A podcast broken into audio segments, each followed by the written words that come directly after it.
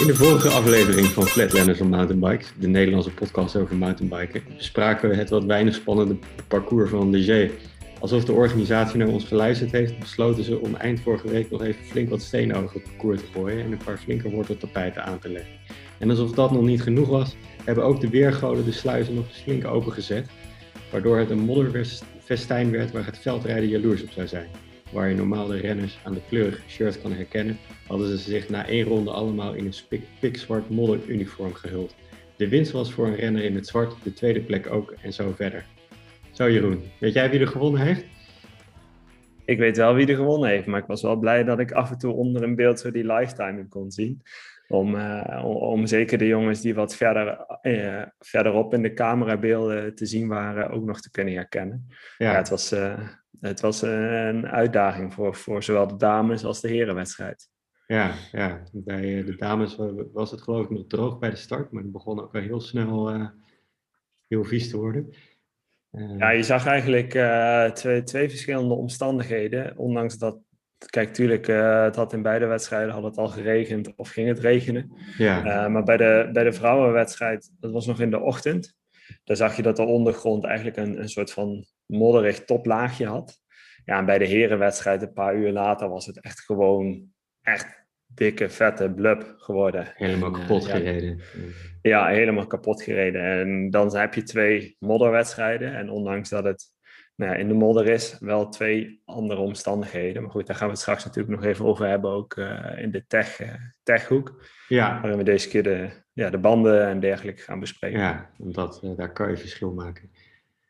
Ja, dat is, de, ja, dat is op zo'n dag als afgelopen weekend is dat absoluut een toegevoegde waarde om met de juiste banden en de juiste druk aan de start te staan. Ja, goed. Maar als we nu eens teruggaan naar het parcours, want de vorige aflevering hadden we het over dat het een, ja, het is het, vorig jaar was het gewoon een skipiste, een, een schuin grasveld met, ze hadden één stammetje en één sprong neergelegd, maar ze hadden wel wat dingen aangepast. Ja, ja, dit jaar was het zeker anders. Uh, de short race, om daar heel even kort bij stil te staan, ja. was een rondje van een kilometer, 43 hoogtemeters. Uh, niet super spannend, maar wel zoals de meeste short race rondes zijn.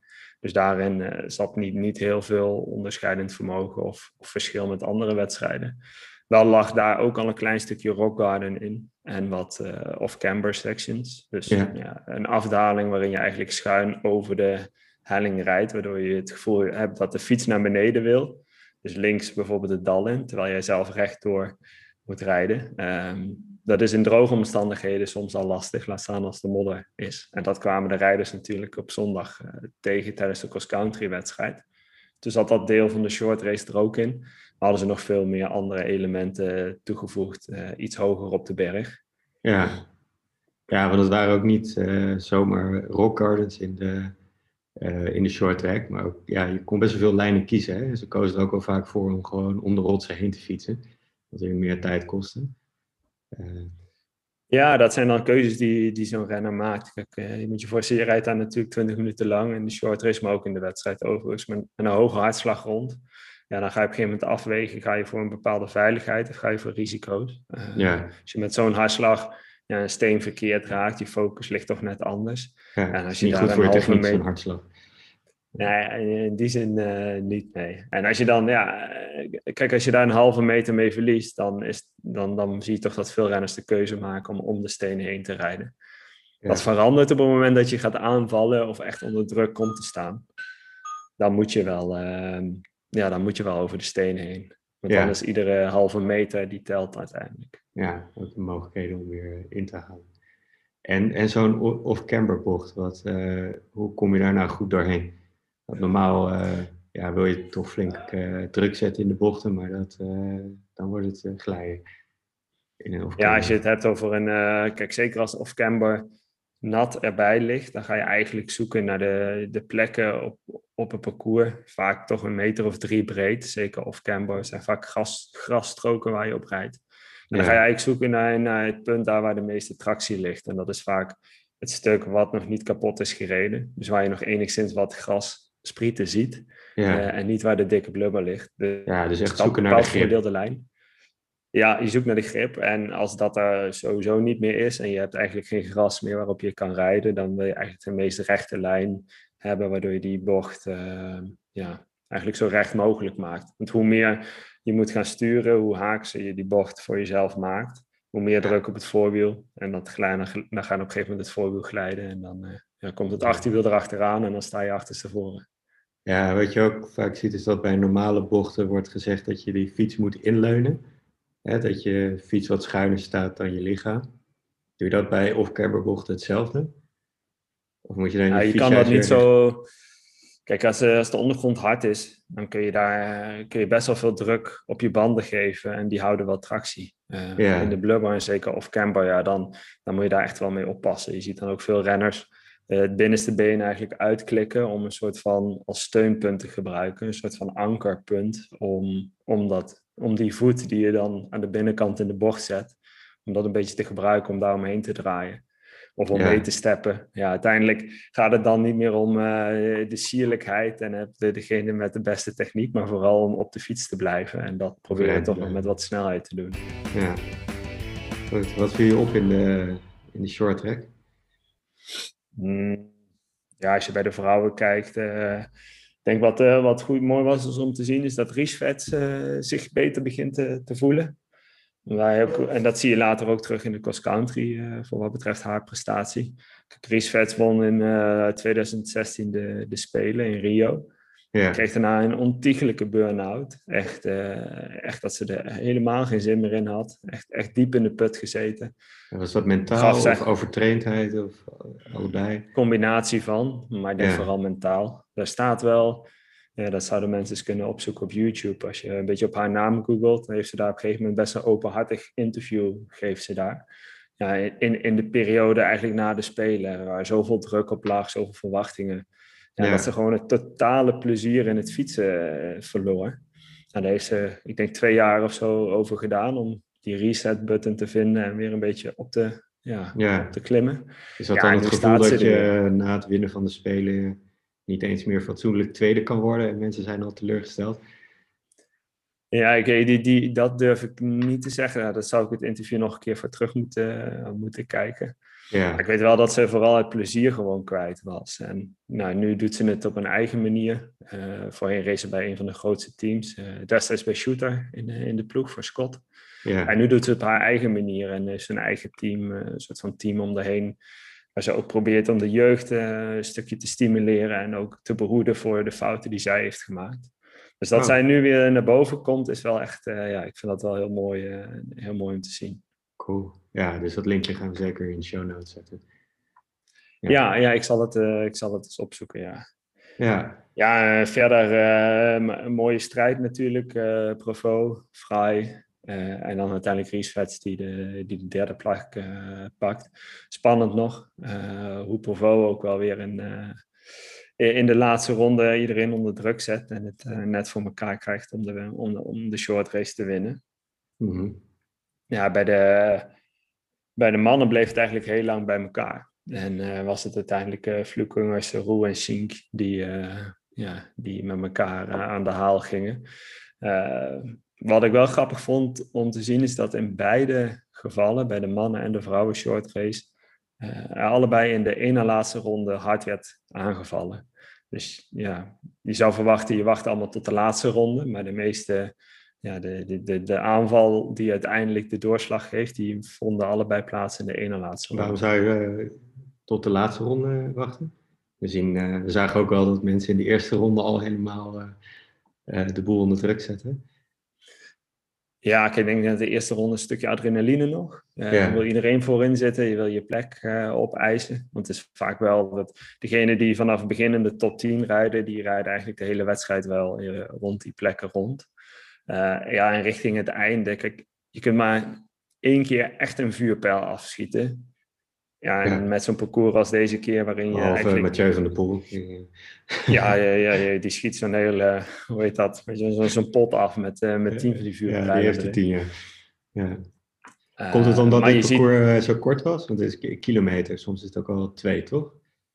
Short track. Nou ja, waarom, waarom de meeste atleten, waarom ik zeg van ja, waarom wacht, je niet tot de laatste ronde? Want ik zeg, je hebt maar één vuurpijl. En ja. ik denk dat als je, als je echt hard aanzet op de laatste klim, ja, dan kun je daar het verschil maken. En het, en het gedeelte na de klim was alleen maar afdalen tot aan de finish, korte finishstrook. Dus je zou zeggen, die laatste keer die klim omhoog, dat, ja, als je daar het verschil maakt, dan ben je er.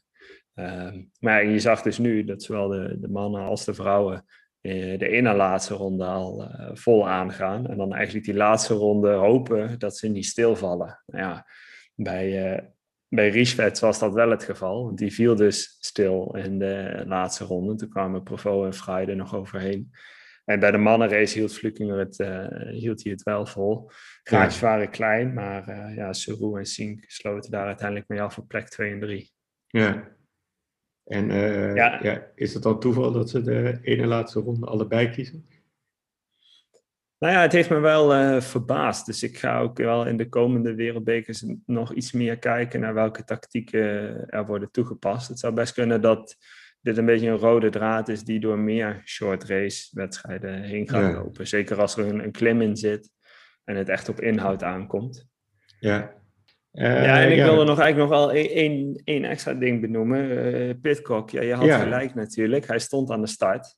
Ja. Uh, toch enigszins verbaasd, maar wel, wel mooi om hem weer te zien. Ehm, ja. En hij, hij, deed eigenlijk goed. Hij zat goed voorin. Uh, hij kwam eigenlijk steeds verder voorin te rijden in de short race. Totdat hij op een gegeven moment, ik denk toch een concentratiefoutje maakt. Uh, hij snijdt de bocht wat wijder aan en Saru, zit voor hem, net voordat ze een drop-off uh, af moeten. Ja. Ja. en ik heb het idee dat hij gewoon te, kort, te kort of te snel instuurt tegen het voorwiel van, of achterwiel van Saru aanrijdt. En ja. eigenlijk over de fiets heen kukelt. Ja, het leek een heel uh, stom valletje eigenlijk. Hij klikte ook nog uit. Alleen, ja, zijn stuur was wel helemaal uh, scheef. Dus die moest ook nog recht zitten. Dat kostte best wel tijd. En ik denk ook altijd dat hij, dat hij daar harder is gevallen dan dat het eruit zag. Ja, ik denk, kijk, als je twee weken geleden je sleutelbeen breekt, dan ben je, eh, dat is er één ding wat je niet wil, en dat is vallen. Ja, als je dan eigenlijk met zo'n stom, stomme valpartij uh, naar de grond gaat. Ja. dat, ja, dat is nooit echt lekker voor je, voor je zelfvertrouwen. Nee, je zag ook wel dat hij daarna... laten zien dat hij, uh, dat hij goed is in terugkomen vanuit een slechte positie. Maar hij zat er nu, ja. was hij er wel een beetje uit. Ja, je ziet dan wel dat, uh, ja, dat hij gewoon twee of drie rondes nodig heeft om weer zijn ritme te vinden. En ik heb nog even naar zijn tijden gekeken en dat is wel bizar. Hij rijdt gewoon in de laatste anderhalve ronde van plek 31 nog weer terug naar plek 16. Ja. ja dat, dat is echt serieus. Dan moet je dus op een short race rondje van een kilometer ja, maak je gewoon uh, eh, 15 plekken nog goed. Ja. Dan, moet je, dan, dan sling je dus letterlijk door en om iedereen heen. ja, dat is, dus ja, hij is nog steeds best wel fit. Ja. ja, ja, hij, is zeker, uh, hij is zeker fit. Ja. Nou, zondag was het weer pas echt slecht. Uh, ik heb dat uh, parcours nog even doorgekeken, maar er zat echt ontzettend veel in. Uh, het begon met een flinke klim die ook de Arilexie klim heet. En, en toen begon het pas echt vervelend worden met, met allemaal wortels, ja, afdalingen met off-camber. En, en, vervolgens kom je rots in. En toen moest ook iedereen de fiets af. Ja, ja ik heb de, bij de mannen, Flukinger had dat al heel gauw door. Die dacht, ja. ik kan wel op de fiets blijven zitten. En dat is sowieso iets, ja, als je mountainbikers en veldrijders met elkaar vergelijkt ja, mountainbiker wil praktisch altijd fietsen. Ook al is het langzamer, je blijft gewoon op je fiets. Dat is, is dat, niet eens een, soort... eergevoel? Ik denk dat dat... Um, ik weet niet of het een eergevoel is. Ik denk dat het vooral de uitdaging van het technische element is. Ja. ja je wilt gewoon voor jezelf de uitdaging aangaan. Kan ik hier overheen rijden in plaats van afstappen? En veldrijders die kiezen er vaker voor om als het ja, als lopen of rennen sneller is, dan toch uh, af te stappen. Ja. Nou, bij mountainbike uh, gebeurt dat eigenlijk bijna niet. Uh, tot dus uh, ik gisteren, in, de, of in ieder geval zondag, de wedstrijd bekeek en Flukinger echt super slim de allerkortste lijn pakte met de fiets aan de hand over ja. drie grote stenen heen stapte en zo 10 meter voorsprong pakt. Ja. Daar waar andere rijders buitenom probeerden nog te blijven rijden, Uh, ja, en daar gewoon heel veel tijd verloren. Dus nou ja, dat, ja, dat vind ik dan ook wel weer slim. Tegelijk denk ik, ah, jammer dat hij dat dan niet even op de fiets doet. Maar ik snap dat wel met die omstandigheden. Ja, want veldrijders die zijn er ook op getraind om gewoon heel soepel van de fiets af te komen en er weer op te springen. En, uh, ja.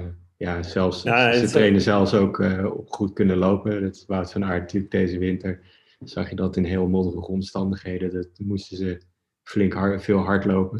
Het is bekend dat ja. Wout van Aert is een van de weinige wielrenners ook gewoon hardlooptraining doet. Ja, en Pitcock, die kan ook echt Ja, die schijnt helemaal bizar hard te kunnen lopen. Ja.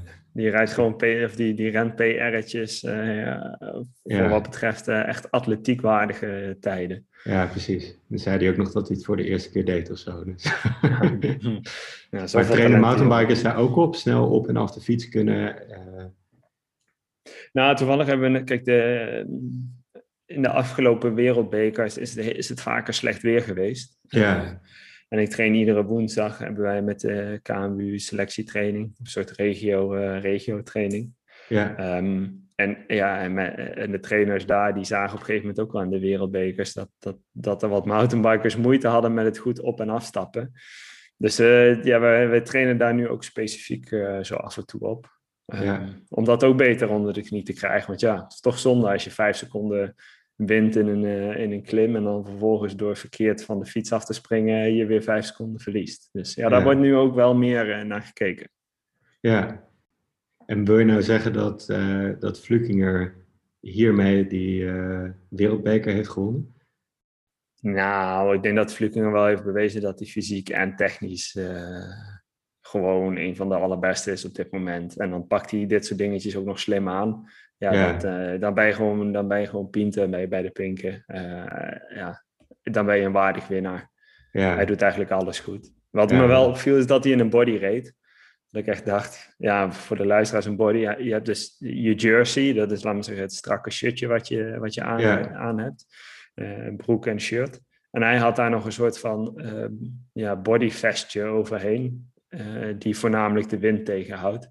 Ja. Maar dat ding zat echt super los aan het fladderen. En dat heeft hij volgens mij vorig jaar met het WK. Had hij met het WK heb ik dat ding ook gezien. Ja. Toen zaten ze er nog over te speculeren van wat dat was.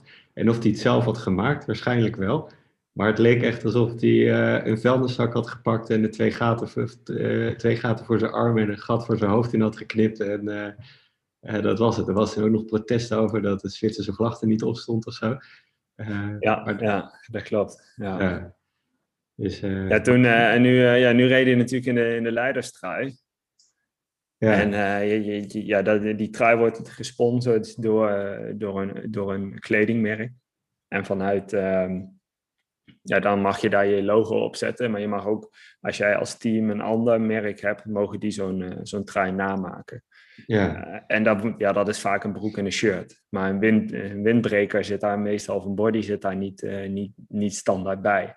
Dus ja, Fluken reed dus in de leiderstrui, maar die was mooi verborgen door zijn body van zijn reguliere fietskleding die hij normaal heeft. Dus ja, die leiderstrui zagen we alleen even shinen toen hij met twee handen in de lucht over de finish kwam. Toen trok hij nog snel die body uit en uh, kwam er een, uh, ja, bijna helemaal wit shirtje van onder vandaan. En dat uh, ja, was ook alweer grappig. Ja, zo kon je toch nog herkennen wie het was. Precies. Want hoe, ja, in dit Tour de France was het natuurlijk ook vreselijk weer. En toen zag je dat, dat veel renners gewoon ook fysiek, sommige renners konden wel tegen, maar anderen die gaan er fysiek gewoon onderdoor die kou. Uh, zeker in de afdalingen waar je ja, je benen stilhoudt en, en zoveel rijwind hebt. Is dat in mountainbiken, ja, je hebt natuurlijk de modder, met de modder het, wordt technisch gewoon heel lastig. Maar is het ook iets waar je fysiek last van hebt of valt dat wel mee? Ja, ja zeker het heeft altijd effect. Ja. Uh, ik denk dat het lichamelijk ook wel een effect heeft op de spieren. Dat die kou die op je spieren slaat, ja, dat is in principe nooit, uh, nooit een pretje. Um, maar tegelijkertijd, door die, door die omstandigheden, krijg je ook wel dat het fysieke element iets minder belangrijk wordt. En het technische element en het overleven, het avontuurlijke, dat dat ja. iets meer naar boven komt. Ja. Um, ik moet zeggen, ik vind dat altijd wel fijn. Zeker ja. als ik een cross-country rij en, en het weer is slecht. Kijk, ik ben misschien niet internationaal niet uh, fysiek de sterkste.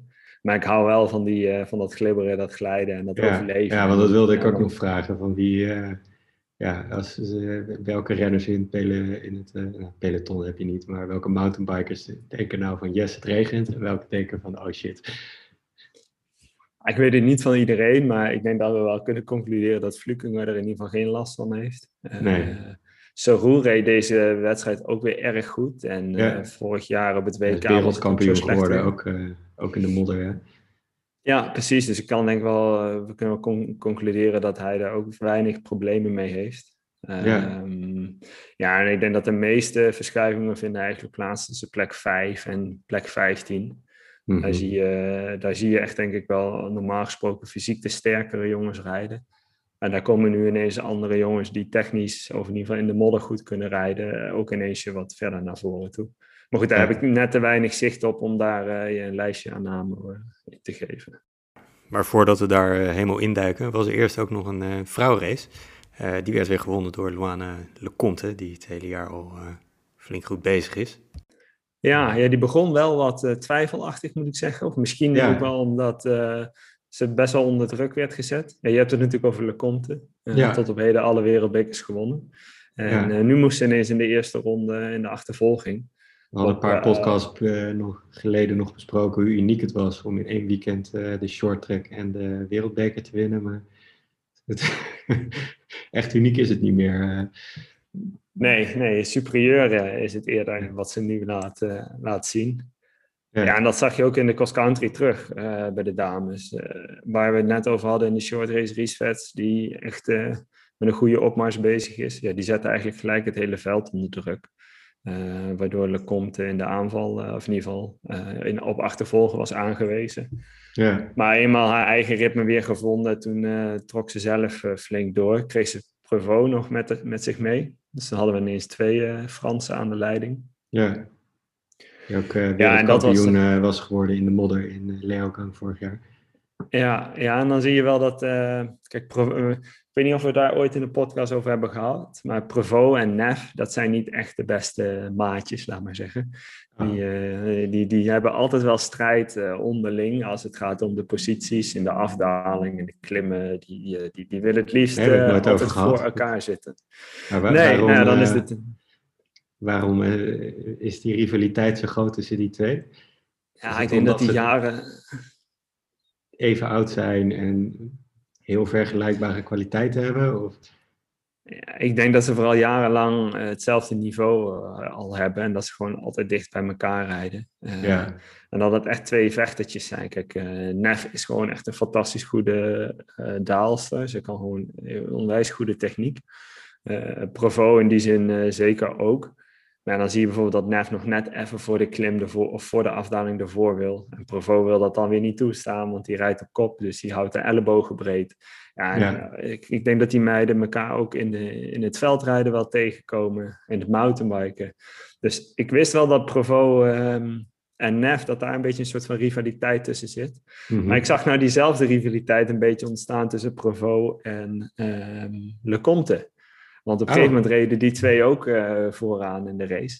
Ja, En toen was het ook af en toe wel eventjes met de ellebogen heen en weer. Het was echt wel dat uh, Provo uh, ja, best een beetje een vechtertje was. Ik wil niet zeggen dat het, dat het niet eerlijk verliep, zeker niet. Maar ze, nee. ze eiste wel haar plek op. En ik vond het wel mooi in eerste, in eerste zin liet Lecomte dat redelijk toe.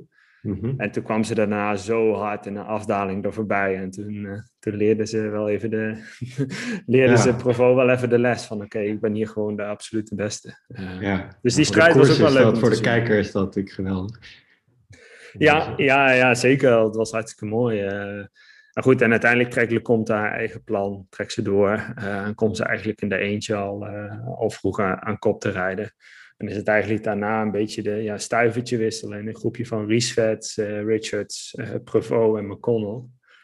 Die eigenlijk, uh, ja, McConnell zakt er een beetje doorheen. Prevost eigenlijk ook. Um, Riesvets rijdt, rijdt in het begin goed, maar die valt echt, echt hard. Ja. Dus die moest daar echt van bekopen, of van bekomen. Was in de, in de tweede ronde, daar zat een grote, zo'n grote drop zat erin. Mm -hmm. En omdat die banden zo vol met modder zitten en die ondergrond zuigt, ja, wat je wil is dat je met je gewicht goed naar achteren gaat. Zodat dat voorwiel, laten we zeggen, lang in de lucht blijft. Zodra, zodra je dan met je achterwiel van de drop-off afgaat, je mooi met beide wielen tegelijkertijd op de grond komt. Mhm. ja, dat momentum, dat had Richards duidelijk niet. Of het door de vermoeidheid, door de modder kwam. Uh, dus dat voorwiel ging veel eerder dat gat in dan dat had gemoeten. Waardoor ze Ja, eigenlijk ook in één keer stil. Ja, dus hij vliegt over de kop, eh, op de boomwortels eh, komt ze neer. Ja, dat was wel even een, eh, een nare valpartij. ja. Maar goed, die, die, die vindt haar ritme uiteindelijk terug. En die, komt, eh, die rijdt uiteindelijk naar plek 2 achter eh, Lecomte. Ja, en nog een laatste. Die, ja, wat, ik, ik ben wel een beetje favoriet van haar. Dat is Evie Richards, een Engelse. Die wordt uiteindelijk derde. Ik denk dat zij de, de dame is geweest die het meest onderuit is gegaan deze, eh, in deze wedstrijd. Die rijdt gewoon lekker ruw, rauw. Wordt, is niet altijd even geliefd in het peloton, wat dat betreft. Ja, ook omdat ze gewoon een beetje... Ja, ze rij- rijdt alsof ze nog een junior is. Gewoon vol erin klappen, vol erin vliegen. ja. Eh, in de short race doet ze het heel goed. Maar nu laat ze ook zien in de, in de cross country echt goed mee te kunnen. Want eh, nou, die knokt zich uiteindelijk geloof ik vanaf plek 6 of 7 uiteindelijk naar het podium toe. En die, eh, die finisht als derde. Ja, ja. dat, eh, ja, ook wel leuk voor de luister, eh, luisteraars om haar een keertje op Instagram te, te volgen. Is gewoon, ja, krijg gewoon een glimlach van op je gezicht als je haar, Ja. als je haar hoort praten en met, met enthousiasme over het fietsen hoort vertellen. Cool. Maar ja, het, het klinkt, klinkt niet alsof haar techniek geweldig was, maar de- ze heeft het vooral op, op, op kracht gewonnen. Of de Ja, hij- ja, hij- ja, misschien lijkt het inderdaad door mijn omschrijving dat haar techniek goed, niet zo goed is. Ik denk dat haar techniek hartstikke goed is, maar ze zoekt Ja. gewoon de grenzen iets te vaak op. En dan, eh, ja, daar, daar wint ze heel veel secondes mee. Maar ja, soms gaat het natuurlijk even mis. En dan is het een koprolletje naar beneden toe. Ja, en eh Nederlanders deed het ook helemaal niet slecht. Nee, nee, zeker. Ja, ik ben best trots eh, op mijn ploeggenootje, Anne Tauber. Ja, Die, eh die knokt zichzelf eigenlijk ook steeds verder naar voren. Reed in het begin rond plek 11 rond. En eh, wordt uiteindelijk zesde. Net buiten het podium. Want voor een wereldbeker is het podium eh, top 5. Dus ja, dat, ik had haar wel dat, die spot gegund. Ze traint Ja. hard ook richting Tokio. En dan is het eigenlijk, ja, was het mooi geweest als je net voor de Spelen al eventjes aan, het, aan het podium kan snuffelen. Maar ja. goed, dat, dat moet ze nog heel even koesteren. Dat, ja. ja. Nou goed, we hebben nog een paar weken om, eh, om te trainen. Ja. ja, voor wat betreft, ja, ik had natuurlijk een voorspelling gedaan voor de, voor de vrouwenwedstrijd. En eh, daarin gaf ik vorige week aan dat eh Terpstra wel, wel eens goed zou kunnen Ja. rijden. Nou, ik heb lang moeten scrollen voordat ik haar in de uitslag tegenkwam. En uiteindelijk ja, stond er een DNF achter haar naam. Dus wat daar precies is gebeurd die dag, durf ik eigenlijk niet te zeggen. Maar ze, ja, het podium heeft ze in ieder geval niet, eh, niet gehaald. Nee, nee, jammer. Goed. Wie, eh, ja, wie overigens nog wel goed reed, eh, om de dames nog heel eventjes eh, af te maken, is Celine Carmen eh, Alvarado, 26e, als Ja. veldrijdster. Dan zie je misschien Ja. toch die modder, dat dat toch wel, eh, dat dat er wel Ja, het, het deed wel erg aan veldrijden denken. Dus, eh, en, Ja, dus ja, dit, het zou goed kunnen dat, dat, eh, dat ze zich ook in deze omstandigheden wel, eh, ja, ja, wel vertrouwd voelde. Ja. Lotte Koopmans finisht als 38ste en eh, Sophie van Beersvoort als eh 46ste. En daarmee Ja. hebben we alle toch vrouwen gehad. eh, ja, en ook wel cool van eh Celine Del Carmen Alvarado is, eh, rijdt voor eh, ploeg Alpes in Phoenix. We hebben het vorig jaar wel, eh, eh, vorige week gehad over de overloop tussen wielrennen en, eh, eh, en mountainbiken. Eh, maar dit is de, de ploeg van, eh, van Mathieu van der Poel, die eh, net is afgestapt in de Tour om zich voor te bereiden op de Olympische Spelen mountainbike. Maar hij is niet de enige, want er zijn meer uit die ploeg die mountainbiken en wielrennen combineren. Zoals Celine Del Carmen Alvarado. Maar ook Sen Gees, die nou, een aantal jaar geleden nog wel wereldbekers won. En nu best aardig weer aan terugkomen is. Steeds een stukje hoger in, in de uitslagen. Dus Ja, ja, ik ben al, ja. altijd wel benieuwd naar het verhaal van die ploeg. Waarom, eh, ze zijn er wel uniek in om eh, die disciplines te combineren. En niet alleen voor Van der Poel, maar voor meerdere renners. Dus dat is wel gaaf. Ja, dat is ook waar we het vorige keer natuurlijk in de podcast ook even over hadden, over de verschillende belangen, vooral bij die grote wielerploegen, waardoor Ja. je ja, als renner ook een soort van opgesloten raakt op een gegeven moment in één discipline, omdat je daar je focus op moet hebben. Ja, je ziet dat dat in de, in de ploeg bij, bij Mathieu, bij Alpecin, ja, allemaal net iets vrijer gaat. Uh, ze hebben veldrijders, mountainbikers, uh, wielrenners en die mogen best veel alternatieve plannen uh, hebben in verschillende disciplines. Ja. En dat is inderdaad wel leuk. Ja, Gaze, die, ja, dat viel mij ook op. Die reed twee, twee weken geleden in Sittard al echt hard. Daar won hij ook de Three Nations Cup wedstrijd. En ik zag dat hij deze keer op plek 31 finishte ja, dat is Voor, voor, voor waar die van afkomt, uh, doet hij het, uh, ja, zet daar echt een stijgende lijn in. Ja. Maar goed, terug naar Leger. Uh, we hebben iemand uit de koers. Toffe Anne Tauber, die is op dit moment druk in voorbereiding op Tokio. Dus we hebben haar helaas niet live in de podcast kunnen krijgen, maar ze is wel bereid geweest om even een audioberichtje in te spreken. Uh, voor degenen die uh, Anne Taube nog niet kennen, dat is een ploeggenootje van mij. Uh, we rijden samen voor het team van, van Bart Brentjes, het CST ja. PostNL Bevang Mountainbike Racing Team. zij is ooit begonnen als marathonschaatster. Zelfs de Olympische, of de, niet de Olympische, maar de alternatieve Elfstedentocht gewonnen. Maar ze is zo verknocht geraakt aan het mountainbiken dat ze dat nu beroepsmatig op het hoogste niveau doet. En voor ons de Nederlandse kleuren gaat vertegenwoordigen op de Olympische Spelen. Cool. Um, ja, dus uh, met, haar duurvermogen, daar, daar weten we al heel lang van dat dat wel goed zit. maar ik zie haar ook zo vaak bij ons in de buurt echt technisch beter proberen te worden. Ze, rijdt op één wiel, ze doet van alles om haar core en haar techniek te verbeteren. Dus dat is wel heel erg leuk. Um, ja, en we gaan nu even luisteren naar wat zij, wat zij te vertellen heeft. Ik had een aantal vragen voor haar voorbereid. Onder andere over hoe, hoe keek ze nou richting de wedstrijd? Wat waren haar ambities, haar doelen? Maar ook hoe is de wedstrijd nou gegaan en wat neemt ze mee naar, uh, ja, richting de Spelen die over drie weken uh, op programma staat? Ja, cool. Even iemand uit de koers te horen. Hoi Jeroen en Paul.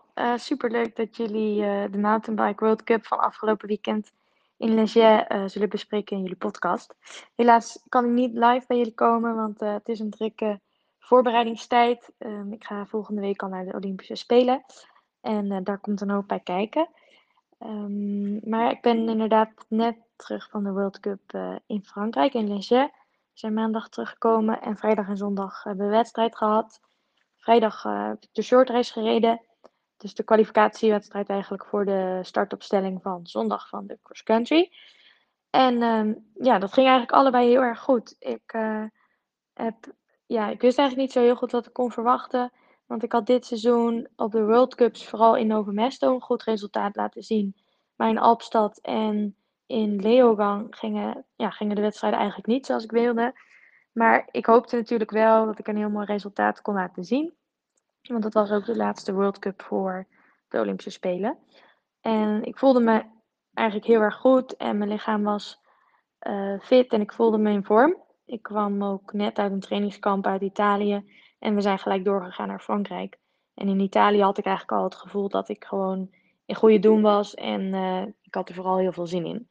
En ik merk altijd als ik zin heb in zo'n wedstrijd, dat is eigenlijk altijd wel, maar dan, uh, ja, dan verloopt het eigenlijk allemaal echt wel goed. En in aanloop naar de wedstrijd was het allemaal droog en hadden het parcours goed verkend. En uh, ze hadden ten opzichte van twee jaar geleden hadden ze het parcours een beetje veranderd.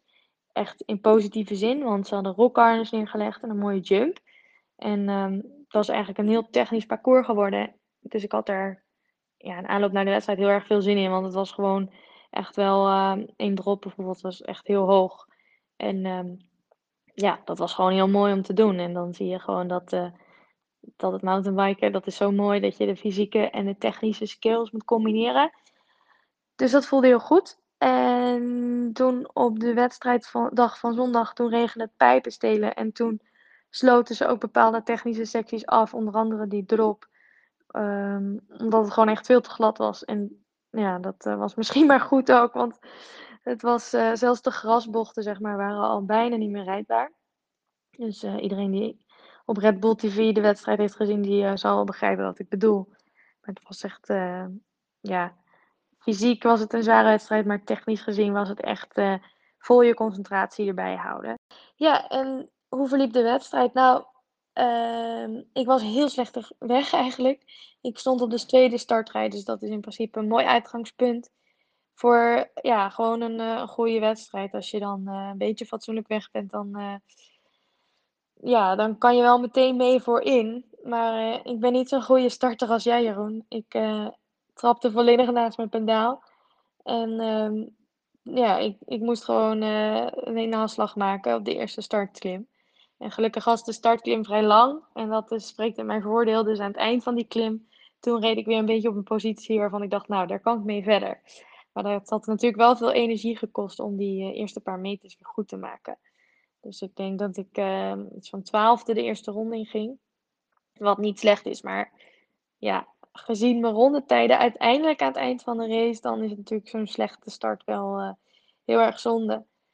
Dus um, toen de rest van de wedstrijd kon ik uh, echt naar voren schrijven. Ik merkte dat ik die eerste ronde gewoon echt ja, heel lekker op mijn fiets zat. En um, ik maakte echt heel weinig fouten, ondanks de gladde en moeilijke omstandigheden. Maar vooral de klimmen liepen ja, eigenlijk uitstekend. Um, dus ja, dan is het jammer dat je die slechte start had. Maar dan heb ik het gelukkig in de rest van de wedstrijd echt goed kunnen maken. Toen battelde ik samen met Sina Vrij, de Zwitserse, om uh, plaats 6. En uh, ja, die heb ik uiteindelijk opgeëist. En toen zag ik op een gegeven moment, twee ronden voor het einde, Pauline Ferrand Prévost en Rebecca McConnell zag ik een beetje stilvallen voor me. Die zaten zo'n 20 seconden voor mij en ik dacht, oh, als ze echt stilvallen en ik hou dit tempo vast, dan kan ik misschien nog vijfde eindigen, wat bij ons het podium uh, is. Maar dat zat helaas niet meer in, want zij herpakte zich. En ik had het juist wat moeilijker in de laatste ronde. Dus uh, ja, helaas net geen podium, maar vijfde of zesde plaats, daar ben ik echt heel erg blij mee. En dat geeft me heel veel vertrouwen en energie voor Tokio. Maar ook gewoon vooral dat ik heel veel plezier heb om zo voorin mee te rijden. Want je merkt gewoon dat het battelen om die eerste vijf plaatsen, dat is gewoon voor jezelf ook geeft gewoon een adrenaline kick in de wedstrijd. Dus dat is heel leuk. En bovendien mocht er weer publiek aanwezig zijn. Um, en die waren er ook best in grote getalen. En dat is heel erg mooi, want op een gegeven moment probeerde ik dus naar Pauline Ferrand-Prévot toe te rijden. Nou ja, dat is een Française en de wedstrijd was in Frankrijk. Dus je verwacht dan misschien dat je niet zoveel aanmoedigingen krijgt, maar het publiek ging uit zijn dak. Dus dat is heel mooi dat er in het mountainbike wereldje gewoon iedereen moedigt elkaar aan. Ja, dat geeft energie. Dus uh, ik, uh, ik heb ervan genoten. En uh, volgende week gaan we dus, zoals ik had gezegd, naar Tokio. Um, ja, wat een heel specifiek parcours is ook. En heel veel rock gardens en um, ja, warme omstandigheden. Dus dat zal bijna een beetje tegenovergestelde worden misschien als wat we nu bij de World Cup hebben gezien. Want ja, die warmte, dat speelt misschien ook wel parten. Maar ik train komende week nog een paar keer in de klimaatkamer. En we zijn er ruim op tijd om goed te acclimatiseren. Dus uh, ja, daar heb ik heel erg veel zin in om voor het eerst naar mijn Olympische Spelen toe te werken en dat allemaal mee te gaan maken. Nou, dat was hartstikke gaaf. Uh, bedankt Anne dat je hier in de show wilde komen. Uh, succes met de voorbereiding uh, naar Tokio. En wat we nog helemaal vergeten te melden waren, is dat je ook een collega podcastmaker bent. Samen met Lotte Koopmans, die ook meereed. heb je de hele leuke podcast Knabbel en Babbel. Die gaat over mountainbiken, maar ook over heel veel andere dingen daaromheen. En hoe jullie dat beleven, trainen, combineren met andere activiteiten. Dus uh, ook de moeite waard om te luisteren. En dan hebben we nog wat unfinished business met de cross-country mannen. Ja, we hadden het natuurlijk al over dat uh, die reed natuurlijk in zijn body. Maar die reed, ja, die reed eigenlijk direct, probeerde die al weg te rijden. Die kreeg uh, Sink met zich mee. Uiteindelijk vormde dat zich een groepje. Ehm, en niet heel veel later plaatst Vlukingen eigenlijk weer opnieuw een aanval. Komt los te rijden. Uh, Sink die, die weer in de achtervolging gaat. En dat gaatje wat eigenlijk een beetje ja, de hele wedstrijd lang een halve minuut uh, blijft. Het groepje daarachter was wel interessant. En daar zaten wel wat, uh, wat mooie en misschien ook wel voor sommige luisteraars wat onbekende namen in. Nou ja, Saru weten we allemaal natuurlijk wel. Um, maar daar, en, en Shooter reed daar natuurlijk ook nog een tijdje in rond. Maar Heatherly, ja, dat is misschien voor velen een beetje een onbekende naam. Ellen Heatherly, rijdt voor uh, Cannondale, Zuid-Afrikaan. Um, ja, en die zat echt volle bak te geven. Het feit dat hij in die top 500 rondrijden was, gaf hem denk ik vleugels. Maar ik zag al aan zijn lichaamshouding dat hij halverwege koers had die jongen al zo stuk. Dat kan hij nooit gaan volhouden. En uiteindelijk op karakter blijft hij wel, uh, blijft hij wel pushen. Maar dan trekt Saru in een eh, rechtstreekse battle toch aan het uh, langste eind. En uh, nou ja, Flukingen wint, Sink wordt twee. Derde wordt dan uiteindelijk Saru en vierde wordt Hatterley. En ja, daarachter zat best wel een gaatje. Met onder andere Nino Shooter, Bruido en Andreasen. Ehm, waarbij uiteindelijk Shooter dan uh, die vijfde plek uh, weet te pakken. Ja. Ook hier weer ja, best, een spannende, best een spannende strijd. Omdat het vooraan, ja, het waren geen gaten van twee of drie minuten, maar slechts 20 tot 30 seconden. En dat varieerde ook wel af en toe. Mhm. Soms had ik stiekem ook wel de hoop dat, dat gaatjes dicht werden gereden. Uiteindelijk gebeurde dat net niet. Um, maar ja, daardoor bleef er wel spanning in de wedstrijd. En uh, moest iedere atleet ook wel zijn vechten voor zijn plekje. Ik geloof dat zelfs al in de start bij de cross-country wedstrijd ging het al heel snel mis uh, aan de rechterkant. Ja. Waardoor renners gewoon, ja, net zoals de Tour, gewoon op elkaar klappen. Uh, gelukkig niet, niet met al die bobbreuken als gevolg. Maar wel dat je gewoon, ja, gewoon echt ophopingen ziet. En, ja. nou, ik zag, is hartstikke belangrijk. Ja, ja, ja, een ploeggenootje van mij, David Noorderman, die reed ook voor het eerst weer mee. Die, uh, die brak dit voorjaar uh, zijn onderbeen. Dus die heeft een hele lange revalidatie gehad. Echt een talentvolle jongen, ook onder, in de onder 23. En nou, hij stond nu voor het eerst weer aan de start bij een World Cup. Uh, ook zijn eerste elite World Cup dus. Want hij heeft nu oh. de overstap gemaakt naar de elite categorie. Ja. Um, nou, die, die, hij startte geloof ik op plek 84. Ja, en ik zag hem bij de start al gelijk in, uh, in die fuik terechtkomen met die valpartij. Ja, dan, kun je, dan, moet je gewoon wachten, je geduld bewaren en hopen dat je weer wat naar voren kan rijden. Dat deed hij uiteindelijk goed, want hij finishte nog op plek 60. Voor hem, de, uh, gezien de situatie, echt wel een uh, mooie prestatie. Ja, je eerste en uit een revalidatie terugkomen. Dat is ja. een mooi resultaat. En die andere grote Nederlander? Ja, dat was ook mijn uh, favoriet voor dit weekend. Ja. Een beetje op basis van, eh, van het interview wat we met hem hadden. Um, en ook de voorbereiding die ik echt goed vond van hem uh, voor wat betreft hoogte, stage. Dat was erg doordacht. Mm -hmm. Milan, ja, die werd uiteindelijk uh, elfde. Ja. Ja, en of, dat een, of dat dan voor hem een goede wedstrijd was. Nou ja, als, in de vorige aflevering zei hij nog dat hij voor het podium had kunnen gaan in Leogang. Ja. Uh, en dat die klimmen hem misschien ietsje te, te lang waren. Nou, dit parcours had de helft van het aantal hoogtemeters van Leogang. Um, dus ja, ik had hem eigenlijk wel, ik, ik had hem echt wel hoog verwacht. Uh, of 11 dan is waar hij tevreden mee is, weet ik niet. Nee. nee. Oké. Ja, dan uh, misschien dat toch de condities voor hem niet helemaal ideaal waren. Maar dat is speculeren natuurlijk. Maar uh, ja, dat is ook een mooi bruggetje, want uh, ja, waar je waarschijnlijk het meeste verschil mee maakt uh, in de condities zoals afgelopen weekend, zijn de banden. Banden zijn in die zin, nou, dat, is, dat was wel de, de sleutel naar succes dit weekend. Zeker op de zondag. Um, als je heel algemeen begint, heb je eigenlijk net zoals in de Formule 1 een beetje drie typen banden. Je hebt je slick, om het zo maar even te zeggen, je medium en je wet tire. Dat zijn een beetje de drie, de drie grove uh, selecties die je kan maken. Nou, in de meeste gevallen rijden de, de atleten met een, een slik. En dan wil ik zeggen, dat betekent niet dat die helemaal glad is. Want ik bedoel, in een mountainbike-wedstrijd heb je altijd iets van een nop nodig. Mm -hmm. Maar je hebt in ieder geval een, een, band die weinig rolweerstand heeft, kleine nopjes heeft, uh, waar dus, waarmee je gewoon hoge snelheden kunt halen. Nou, heb je de medium band. Um, ik ben zelf iemand die liever iets meer vertrouwen heeft. Dus door voor een band te gaan met iets meer nop. Dat ik zeker weet dat ik altijd tractie heb. Dan dat ik voor een, ja, een, een lichte band ga met, met minder uh, nop en dus iets minder tractie. Dus daar zie je veel rijders een keuze in maken tussen die twee. Ja, en als de omstandigheden dan echt omslaan, ja, dan moet iedereen eigenlijk naar de, naar de modderband toe. Mm ja, dat zijn eigenlijk een beetje de drie grove keuzes die je daarin hebt. En dan heb je nog weer per band heb je een superlichte versie. Je hebt een versie met extra protectie. Om bijvoorbeeld een stootlek of een, uh, een scheur in de zijkant van de band tegen te gaan. Um, en daar zit nu ook nog een derde soort van future bij om lekke banden tegen te gaan. En dat is een mhm. tire noodle. Dat is een soort van plastic foamachtige ring die je in je velg legt, legt. Die eigenlijk tussen je, je bovenkant van het profiel en je velg in zit. Uh, daar doe je dan je latexmelk bij en die, die ja, dan vervolgens lucht erin. Ja, want dat uh, daar even een stukje over. Want ja, de meeste mensen zijn natuurlijk gewend aan, uh, aan banden en daar zit dan een binnenband in. maar de meeste ja, tegenwoordig ook wel op de weg, maar op de mountainbike al heel lang kiezen voor tubeless setup. Dus dan is de binnenband eruit gehaald. Maar omdat dat vaak niet helemaal luchtdicht is, moet je de velg dan nog extra dichtplakken met een velgelint. Een speciaal ventiel erin stoppen. En dan latex erin doen, wat soort, ja, het lijkt een beetje op melk. Maar als er dan een gaatje is, dan uh, zorgt dat dat, dat ja, dan stolt dat, die melk. En dan wordt daarmee het gaatje snel gedicht.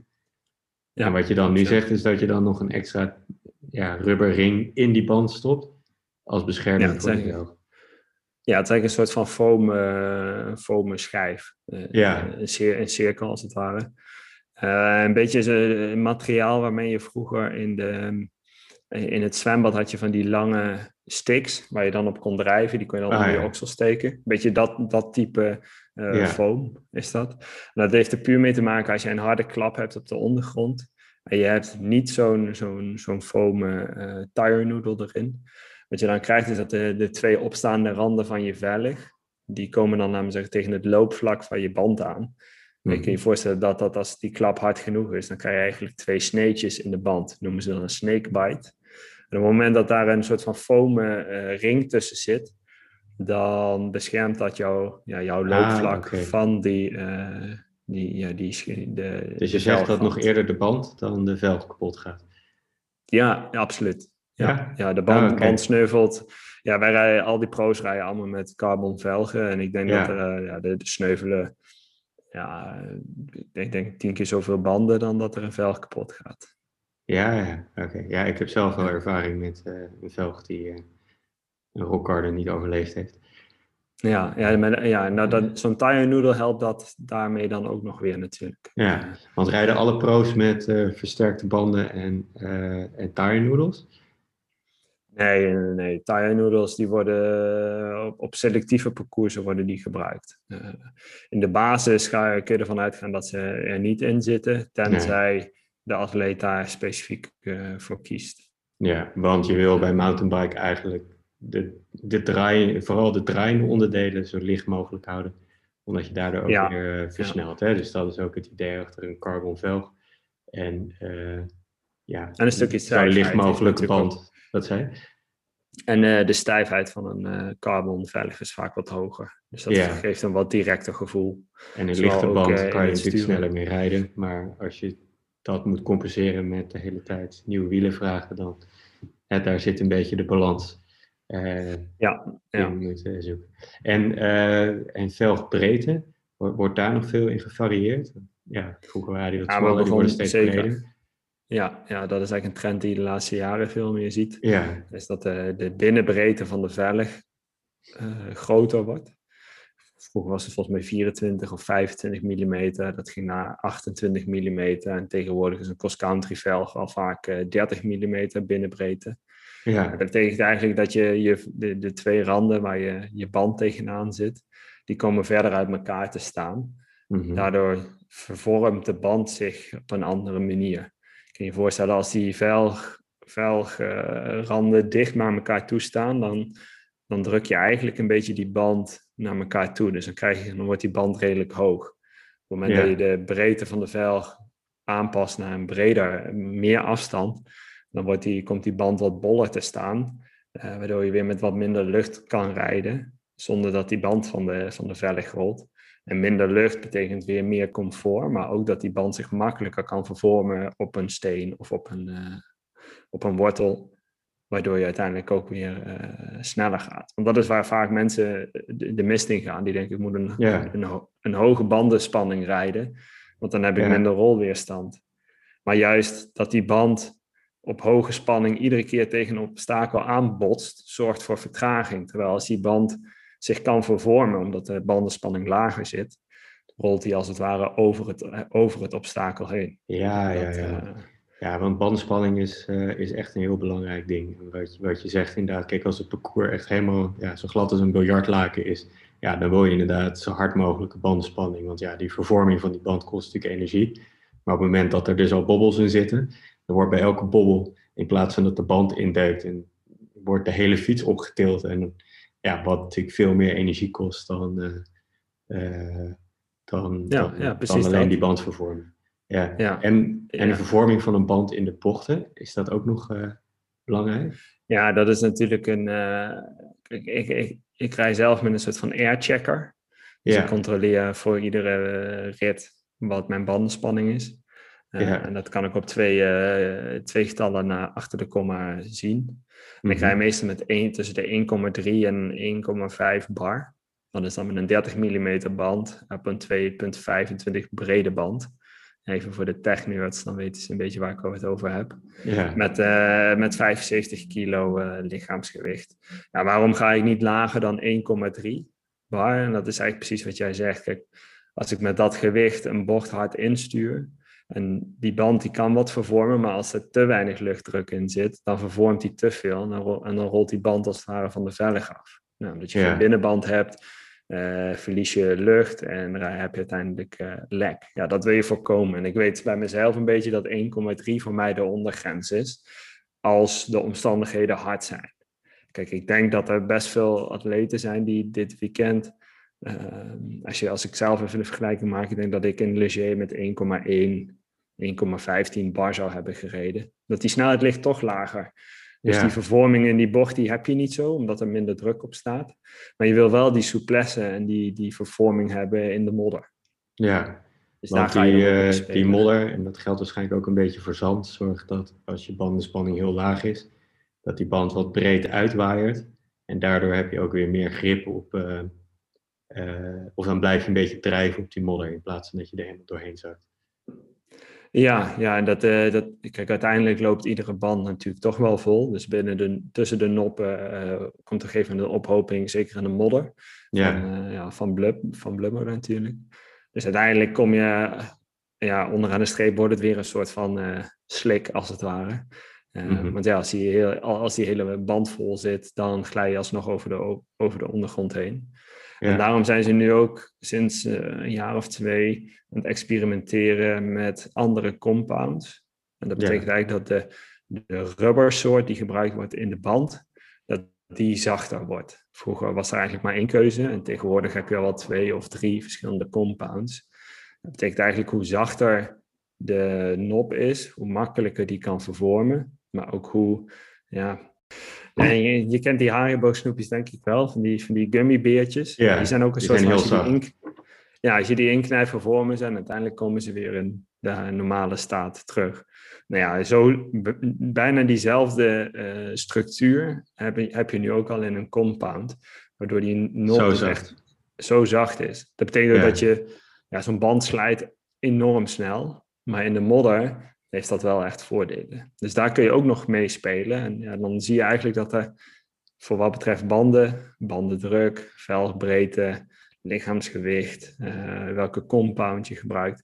Ja, daar zijn best wel veel keuzes in te maken. En nou ja, de juiste keuzes leiden, leiden uiteindelijk in zo'n wedstrijd als een Leger toch ook wel tot de, tot de gewenste resultaten. Ja, ja, en dan afgelopen weekend hadden ze waarschijnlijk extra zachte bandspanning, extra zacht compound en flink grove noppen om uh, die race te winnen. Terwijl, ja, stel dat het een hard en droog parcours was, dan was het juist weer weinig profiel, wat hogere bandenspanning en ja, uh, ja minder zachte compound.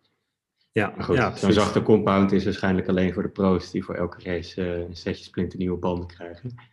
Wat, ja, ja, ja. wat raad je de Nederlander aan om hè, die in het weekend wel eens op de Heuvelrug of in Nijmegen of uh, ja, ergens in de duinen gaat uh, mountainbiken, wat, moet hij ook zo zacht rijden? En, Ik denk dat wat ik, de eerste wat ik, de, wat, wat ik mij aan zou raden is kopen een, een bandenspanningsmeter.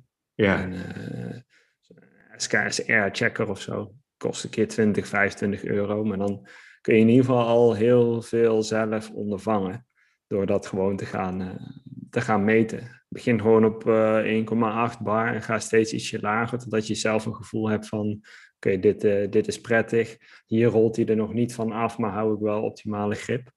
Um, en varieer daar ook in als de omstandigheden anders zijn. Dus mhm. bij nat weer ietsje lager um, is het heel erg droog en ligt er zo'n toplaagje op de ondergrond van zand bijvoorbeeld ja, ga dan ook ietsje lager, want ja, je hebt dan al weinig grip. En als je dan met een harde band uh, over zo'n parcours heen gaat, dan glij je nog sneller weg. Ja. en qua, qua type band, ja, kies voor een, een, een, waar we het straks over hadden, een slick of een medium, medium band. De meeste fietsen in Nederland worden standaard vanuit, vanuit de fietsenzaak al wel gewoon met een goed setje banden afgeleverd. Ja, en heb jij ook altijd dezelfde band voor en achter of varieer je daar ook in? Ik rij praktisch wel altijd met dezelfde voor- en achterband. Um, het zijn ook wel verhalen dat, dat, uh, dat, dat men daarin varieert. Dan kiezen ze vaak voor een voorband met iets meer profiel aan de zijkant. Zodat als je instuurt dat het voorwiel niet uh, gaat happen. Mm -hmm. Dan pakken ze aan de achterkant een profiel wat ietsje, uh, iets, iets minder nop heeft. Ja, ja, ja. En dan, uh, ja, kijk, een, een gewone weekend warrior die gaat natuurlijk niet voor elk weertype zijn banden wisselen. Uh, maar zou je nog een, een, winterband en een zomerband aanraden, of is dat in Nederland eigenlijk uh, compleet overdreven? Ik denk dat uh, als je een medium band pakt, wat ik al zei, die op de meeste fietsen standaard al ligt, ja. dan kun, je door, kun je het hele jaar door fietsen. Daarbij de meeste weekend warriors die met 10 mm regen in, in de voorspellingen naar buiten gaan, ja, dan ben je sowieso al een strijder. En dan gaat ja, de meesten zullen sowieso thuis blijven. Dus ja, die hoeven echt geen, geen modderband erop te leggen. Kijk, het wordt anders als je bijvoorbeeld naar het, uh, naar het buitenland gaat. Kijk, als je voor de zomervakantie besluit om naar Italië of naar Frankrijk te gaan, daar is het wat rotsachtiger. Is, het, is de ondergrond echt wel wat, uh, wat, wat heftiger, wat ruwer. Ja. En dan is het wel aan te raden om voor een band te gaan met wat meer protection. Dus in ja, de zijwanden wat, zijwanden wat, versterkt zijn. Ja. ja. dat zijn dan wel slimme dingen om te doen. En voldoende binnenbandjes mee te nemen eh, als het dan toch een keer verkeerd gaat. Ja, dus je rijdt in principe tubeless, maar ja, je verzekering is eigenlijk uh, een binnenbandje. Ja, ja. ja. Nou, ik, ik was een paar weken binnen... terug uh, rond Annecy, waar Loane Lecomte vandaan komt. En daar had ik ook een afdaling in het bos langs zo'n berghelling op zo'n smal wandelpaadje met uh, uh, allemaal wortels erin. Maar toen had ik, dat had ik in Nederland nooit gehad, maar toen zat, zat het profiel van mijn banden helemaal vol met kleverige modder. En was het eigenlijk gewoon een soort slik geworden. Uh, dus die, die deden eigenlijk niet veel meer. toen ook, om heel eerlijk te zijn, een paar stukjes gelopen. had sowieso niet zoveel zin om te vallen. En, en als je daar zou vallen, dan ging je ook meteen heel ver naar beneden. dus dat, vond ik ook weer niet de moeite. Nou, ja. gaaf. Dat was weer, uh, was weer hartstikke leerzaam. Uh, je gaat dit weekend weer, uh, weer racen, of niet? Ja, ja eindelijk mag ik, mag ik weer uit de startblokken. Ja. Deze keer een cross-country wedstrijd. een Three Nations Cup in Spaanwouden. Nou, dat is ja, bij jou, dus bij jou om de hoek. Bij mij om de hoek en voor veel luisteraars in de buurt.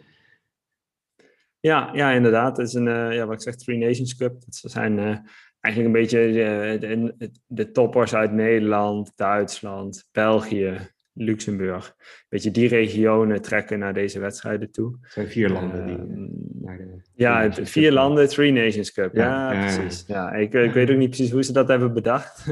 En misschien dat ze Luxemburg niet meerekenen. Er zijn niet zo heel veel Luxemburgse toppers. nee. Dus misschien dat het daar, daaruit, uh, daarin zit. Nou ja, um, Milan Vader staat daar aan de start. Ja. Um, dus dat is wel leuk. Ik kijk er wel naar uit. Ik, uh, ja, ik ben benieuwd ja, hoe het me afgaat. Um, hoe, het, hoe ik er fysiek voor sta. Maar ook uh, ja, wel nieuwsgierig hoe, hoe ik me verhoud tot, uh, tot, tot een Olympiagang als Milan Vader. Ja, cool. Wordt het ergens uitgezonden op YouTube of uh, Instagram of Red Bull zelfs? Ja, ik denk, nou, Red Bull zeker niet. Uh, nee. Ik denk dat uh, de Three Nations Cup is vaak wel heel actief op social media. Dus voor, de, voor de luisteraars, ja, zoek daar eens op. Misschien kunnen we het in de show notes een linkje zetten. Ja. Um, daar zal in ieder geval wel wat videomateriaal worden gedeeld. Misschien wat, wat rondetijden. Ja. Um, maar het is, het is niet live te volgen. Het is niet dat mensen uh, NOS aan kunnen zetten en uh, nee. uh, zou er, schijnen. Zou er al, al bij mogen zijn zelfs? Of is dat vanwege de coronaregels Ik heb toegestaan? niks gezien dat, over dat supporters worden geweerd. Okay. Dus ik denk wel dat het kan. Ja, ik denk dat er dat mensen die in de buurt wonen is het leuk om. ja, de elite, elite mannen starten om half drie tot vier uur bij. Ja Spaanwouden, ja, wat is het? Snow World Spaanwouden, heet dat zo? Of Ja, er zit een skibaan naast, ja. Ja, ja. skibaan Spaanwouden. Ja, nou, hartstikke cool. Sowieso leuk om een keer een race te zien uh, op uh, plekken waar ik zelf wel eens ga trainen. Uh, ja, dan, ja. weet, je, weet, ik, weet ik ook weer waar ik sta. Nog een, nog een stuk verder van Milan Vader dan, dan jij waarschijnlijk. Nou, dat is het mooie van Strava. Je kunt dat dan je kunt dat wel heel makkelijk met elkaar vergelijken. Want wij rijden gewoon een, een heel groot deel van het vaste parcours wat daar ligt. Daar zal onze wedstrijd ook overheen gaan. Ja. en dan is het wel leuk om bepaalde segmentjes natuurlijk even met elkaar uh, te vergelijken. Ja, staan al je teamgenoten er ook? Uh, ik denk dat David er is. Mijn internationale renners nee, verwacht ik niet. Nee. Misschien Anne Tauber, maar ik durf niet te zeggen hoe, hoe haar laatste weken richting Tokio verlopen. Nee. Dus ik ben er in ieder geval, David is er ook. Ehm, daarmee zijn we in ieder geval bij de mannen wel weer mooi vertegenwoordigd. Ja, nou hartstikke leuk. Goed, we gaan afronden. Was weer een leerzame podcast. We zullen binnenkort een voorbeschouwing maken voor de Olympische Spelen, want die komt nu echt dichtbij. heeft ook de afgelopen weken een hoop aandacht gehad, die wedstrijd. Vergeet je niet te abonneren op onze podcast. Volg ons ook op Instagram. de link staat in de show notes. Mocht je nog een brandende vraag hebben voor Jeroen over wedstrijden, materiaal of training, of wil je weten wat je van deze podcast vond, zet het even in de review of stuur ons gewoon een berichtje. Tot de volgende keer. Yes, doei doei.